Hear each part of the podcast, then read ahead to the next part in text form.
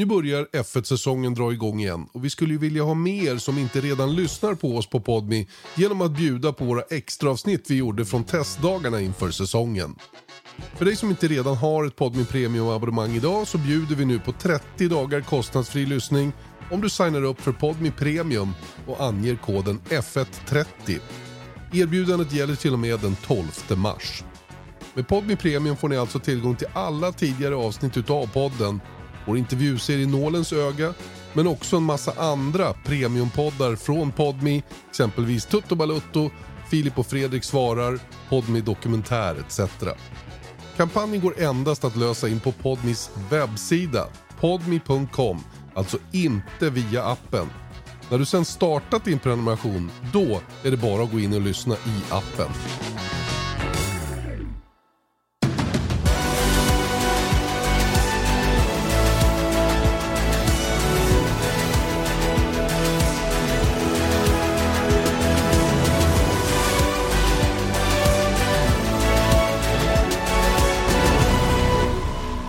Hallå där, mycket välkomna ska ni vara till Viaplay F1 Podcast. Fortsatt enbart med Janne Blomqvist på plats i Bahrain på Bahrain International Circuit där vi eh, precis har sett klart den andra dagen. En liten sammanfattning ska då komma om eh, vad som har hänt under dagen idag som eh, var rätt så intressant får man väl ändå säga. Mycket körning fortsatt, många varv som de allra flesta fick till. Det har varit några små mankemang ändå som, som har inträffat. Ehm, vi har vetat att McLaren nu på slutet hade problem med bränslesystemet. Någonting som tog en väldig tid för dem att fixa och jag tror inte de fixade det till 100% här på slutet. Ehm, vi hade en, en, en liten brasa i bromsarna för Sergio Perez tidigt på dagen. Men framför allt så var det ju skador på banan som gjorde att det blev en rejäl paus. Man fick avsluta förmiddagspasset i förtid och istället lägga på en timmes körning då under eftermiddagen för att eh, teamet skulle få lite kompensation då för det som inträffade. Det var ett eh, brunnslock som flög loss. Det där känner vi ju igen numera, de här bilarna med ground effect eh, har gärna den här ehm, eh, effekten eller på, på, på saker som inte sitter fast ordentligt. Det sugs helt enkelt upp och i det här fallet då så eh, slog det sönder golvet på, eh, på Charles Leclercs Ferrari. Eh, ett golv som man plockade ner, bytte ut och skickade tillbaka till Maranello för, för reparation kort och gott. För man är tajt på reservdelar. Det, det, här får man ju anse vara en triple header trots allt. Det är ju den här, de här tre dagarna här och sen kör vi race nästa helg och sen ska de ju raka vägen till Saudiarabien. Eh, och så här tidigt på säsongen så är det marginellt med reservdelar och eh, en okomfortabel situation kort och gott när sånt här inträffar. Eh, man fick ordning på bilen i alla fall till eftermiddagen. Charles Leclerc fick köra lite grann direkt efter lunch innan han sen lämnade över till Carlos Sainz som avslutade och Carlos Sainz var dessutom allra snabbast. Det är lite fascinerande för igår så utsåg vi mer eller mindre Red Bull till klara mästare och idag så var det lite beskedligare sett till vad, vad som var den snabbaste tiden. Carlos Sainz var allra kvickast, kom ner under 1.30 faktiskt eh, och gjorde det på ett set C4. Eh, eller han använde tror jag två set C4 till och med för att komma ner på en 29,9 eller vad det var. Eh, med lite marginal då till Sergio Perez som var närmast bakom. Lewis Hamilton klämde till med en hyfsat bra tid där på slutet också. Dock på C3-däck men över sekunden långsammare. Eh, och sen hade vi Lando Norris som, som visar att McLaren ändå är där uppe eh, bland de allra främsta i startfältet. Eh, även om de hade sitt, sitt problem med bilen. Det jag också noterade under dagen idag det var jag såg en reell race-simulering och det var Valtteri Bottas i Sauber som, som gjorde ett helt race som jag var med när det startade och kunde följa igenom och notera då hur, hur däcken droppade av kraftigt. Framförallt under den första stinten när Bottas körde C3. Han körde C3, C3 och C2 eh, under sitt race då, över två depåstopp, tre stint och eh, han började på 1.37 när racet startade, inom citat-racet då, och eh, när stinten var slut efter 13 varv var han uppe på 1.40-tider. Så att eh, han, han, tappade däcken fullständigt och C3 ska ju naturligtvis inte vara ett racedäck, framförallt inte en startstint med tanke på att det är den mjuka gummiblandningen när vi tävlar här nästa helg. Eh, men det jag främst tänkte erbjuda, eller bjuda på, det var en liten pratstund jag fick eh, på förmiddagen med Gary Anderson, den gamla bildesignern för Jordan och för Jaguar. Eh, under 90-talet som är med fortfarande och är expert, jobbar för The Race, har koll på han har ju tränade ögon så att säga och vet vad han ska titta och bedöma. Och jag satte mig ner med honom på en bänk här ute i paddocken och eh, ställde till att börja med frågan vad, han, vad, han, hade, vad han hade uppfattat så här långt. Well, the cars are very interesting. Obviously, it's the third year this set of regulations, and everybody is headed in the, the sort of Red Bull direction, I suppose you might call it, um, which is not wrong. 2022 and 2023, Red Bull really dominated this, as I say, this new set of ground effect regulations. So the the visual um, concept of their car was obviously something that everybody took attention to, but the big problem is it's never just the visual concept. It's it's the bits we don't see, the underneath of the car, that uh, that really makes it work. Yes, the, the, the airflow on that visual part is important to work together with the airflow underneath the car, but it's never any one part, to be honest. So, you know, I think Red Bull have stunned everybody for 2024 by going in a a slightly different direction. In my book now, I've seen it in real life. It's, it's, it's a logical direction. It's just an extension of their development program last year with moving the radiator inlet higher and higher and higher. And they got to a point where they couldn't put any higher, so they've done it another way now. Um, so, uh, you know, it's caught everybody out a little bit, I think. From what we've seen so far, it looks pretty good, the Red Bull. I mean, as far as reliability is concerned, the amount of laps they've done, the performance of it yesterday with Max Verstappen at the steering wheel was uh, was impressive. So uh, it's early days, but I think we might see a year, uh, 2024 might be a, a, repeat of 2023. So uh, if you look at the, if we stay stick with Red Bull, if we look at the gap just beside the the tub, uh, is it for cooling or is it kind of an S duct or what is it? Do you think? Well, there's still a question mark in my book. There's still a question mark beside that. You know, you mentioned this S duct device. Um, you know, an S duct is about making sure you can keep airflow in an area because you have at the other end of that S duct there's a, a lower pressure area pulling airflow through that inlet. So the inlet in itself does nothing except for the the surface flow is not is not very good in that area. So you're trying to suck it through basically. Um, it wouldn't surprise me if it's something in that nature, uh, in a combination with the the ducts they have up behind the driver's head.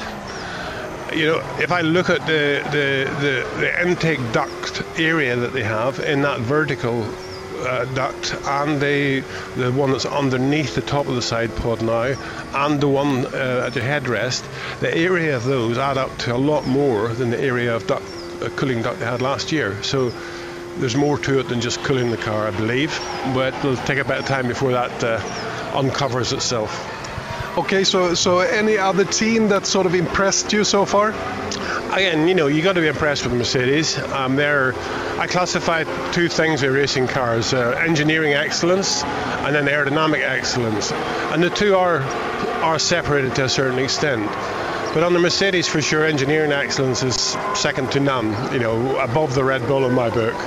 Um, so yeah, I'm impressed with them. Aerodynamically, I think they've still not got their head around what the, the, the way the regulations work. And the one for me, if you look at the the, the side pod, the undercut, there's sort of three stages. Um, we saw this with Ferrari for 2024 and then Red Bull uh, for 2022, sorry, uh, and the Red Bull concept and um, and and Mercedes. The thing is, you're bringing airflow through between the front wheels and the chassis into this what we call a side pod undercut, and you want to try and help that airflow go out over the top of the edge of the floor, which helps seal the floor.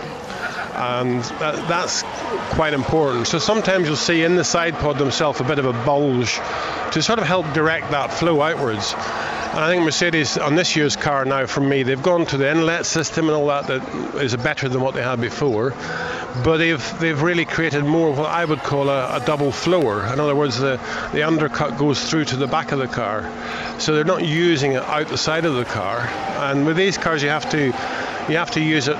The diffuser size at the rear of the car itself is is not really as big as it needs to be for the area of underfloor that you have. So the turning vanes underneath the front of the floor, the front corner, and those little exit turning vanes that you see from the side of the car, they're all important to act as another diffuser. They act as a diffuser on that front corner of the floor allowing the, the main diffuser at the back of the car to only work on the airflow that's coming in through the centre of the front of the floor. So I think they've still got the balance of payments wrong as to what they're trying to produce from the upper body relative to what they can produce from the underbody. So uh, if we look at the third team then, that is supposed to be in the top, now, talking about Ferrari of course, yeah. um, kind of conventional car? Yeah, I think very conventional, maybe too conventional. Um, no risks taken, uh, but the problem is no reward then either. So, you know, they ended the season last year in a reasonable position competitive wise, but the reality of that is everybody else is moving on. So if you don't move on, you're going to be, you know, you're going to be in a little bit of trouble. So I can see a neat, a neat and tidy car there, but I don't look at it and think, oh, that's a good idea. It's, it's just, it's just another car, to be honest. I think the Aston Martin uh, and the McLaren probably potentially look a little bit better, or as good at least as, as a Ferrari. So instead of it being a top three, we, we might see a top five. Um, it's been a, sort of a talking point also with the with the RB car, the the, the VCARB car, whatever we would call it. But it seems like they, they they themselves think that they have a good package for this year. Yeah, I mean it should be a good package. They've they've you know they've worked closer with Red Bull this time than, than before. To to some teams, uh, you know, a bit of controversy going on there. Um, but the regulations state what you can do and what you can't do. Uh, it's you know if you looked at all the cars they've all taken inspiration from last year's Red Bull, and that includes Red Bull 2. So I, I can't criticise them. You know, by doing that, they will have gone in a, in a positive direction. So, yeah, the car, you know, the car doesn't look bad. Watching it on the track yesterday, I think it, it looks as though it needs maybe a little bit of setup work. Yeah, it looked a bit stiff looked a bit sort of um, nervous in the rear end whenever they were trying to get back on the throttle. Um, you know, you had a bit of understeer. Most cars have a bit of understeer where I was watching at the hairpin, and and then it's the cars that can get back on the throttle and keep the rotation going by moving the rear of the car. When the rear of their car moved, it moved jerkily so it wasn't sort of confidence inspiring. But that's that's probably just a setup thing. So it'll be it'll be better as the weekend goes past. And at the back end of the grid, we have Haas still slowest yesterday, but uh, uh, clocked the most amount of, of, of laps, uh, working a lot on their on their Sunday performance. They had big problems getting the tires to work. Yeah, yeah I mean last year we saw they were in pretty reasonable condition in qualifying.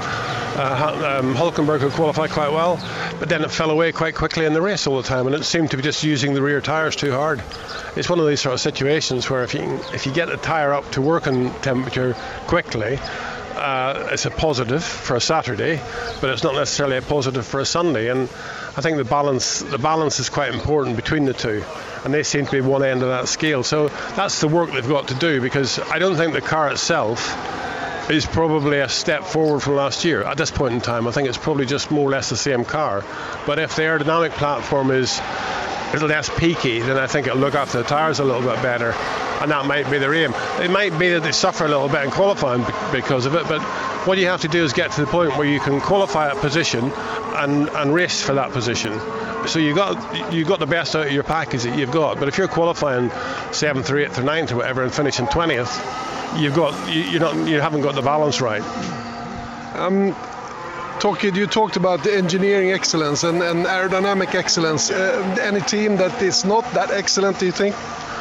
Oh, I you know I, look at the Williams and I, I worry a little bit because to be honest, you know the car looks outdated in many many ways. I suppose you might call it. Um, it's just it's just it's just not the, the, it's just not the complexity in there that you, you need to see. Formula One has moved on in many years, very very very very intricate, and they don't have that they haven't carried that intricacy. You know, it's just it's just a, a very decent little car, but it looks to me like it might be just a little bit out of date.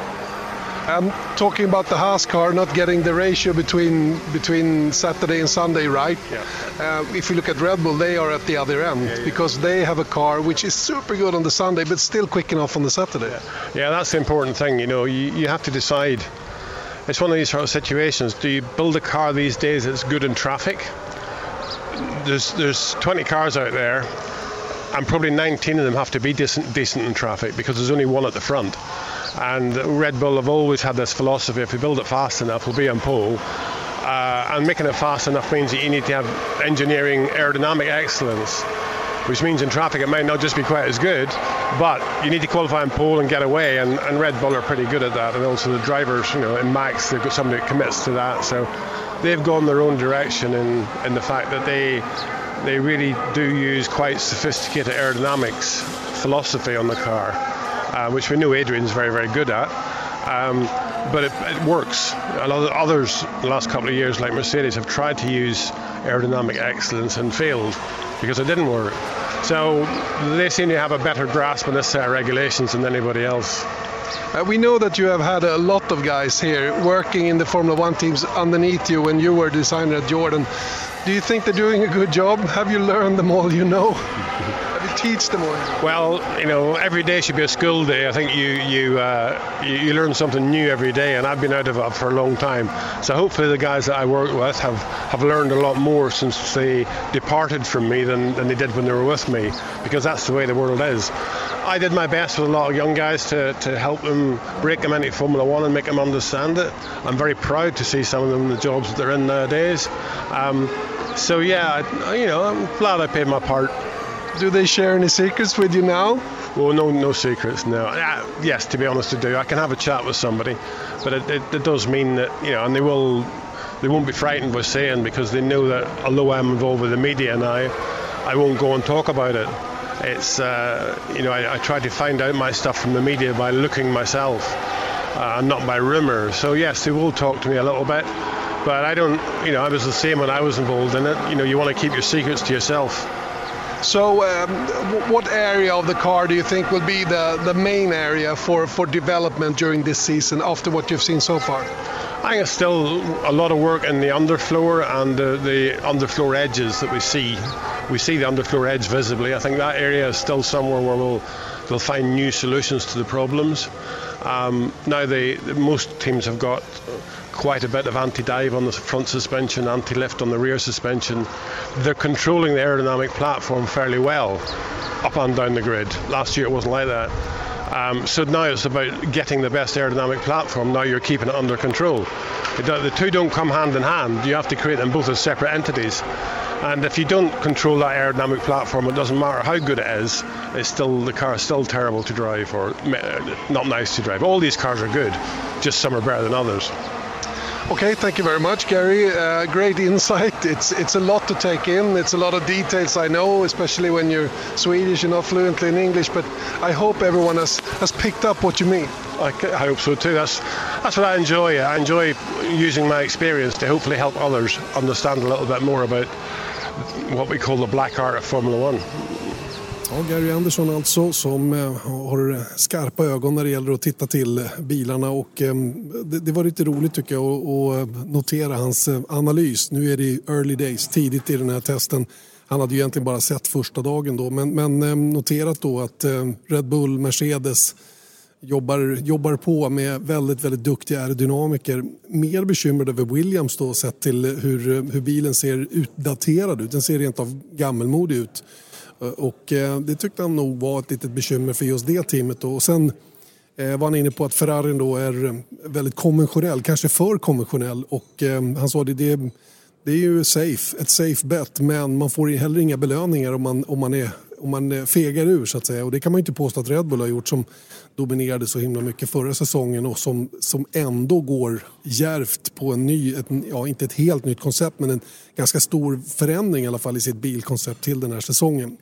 Eh, vi får se vem som, har, vem som har gjort rätt när vi summerar den här säsongen så småningom. Va? Men, men eh, Red Bull ser fortsatt väldigt, väldigt bra ut även om de inte var snabbast just idag. Men det som var bra tycker jag det var att det inte det var någon, det var inte den där totala dominansen i, i dag två också utan att det, det, visar att det finns fart i de andra bilarna också, inte minst Mercedes och Lewis Hamilton då, som precis som Mercedes alltid gör jobbade väldigt grundligt eh, och eh, noggrant innan de då på slutet släppte lös honom lite grann med, med lite mer power i alla fall och ett set nya C3 när när det hade svalnat ordentligt här. Det är ju inte mer än strax under 20 grader nu på kvällen och 24 grader i asfalten. Ganska gynnsamma förhållanden således. Så att eh, där har ni väl eh, kort och gott då. Carlos Sainz alltså snabbast andra dagen före eh, före Sergio Perez med Lewis Hamilton och Lando Norris närmast bakom. Eh, och en hel massa varv idag också för de allra flesta i alla fall. Tillförlitligheten är det verkligen inga fel på. En sista sammanfattning kommer imorgon fredag eh, efter den tredje och sista dagen och eh, då också en liten ja, en kort blick framåt i alla fall med vad som komma skall. Men framförallt har vi nästa veckas podd som blir väldigt, väldigt intressant. Vi ska bland, bjuda in lite folk som eh, ska hjälpa oss och summera testen för att ge oss en, en, eh, kanske lite klarare bild av vad som väntar då inför den första tävlingshelgen i Bahrain. Men så länge säger vi tack och på återhörande härifrån Bahrain och eh, hörs imorgon efter den tredje dagen av tester.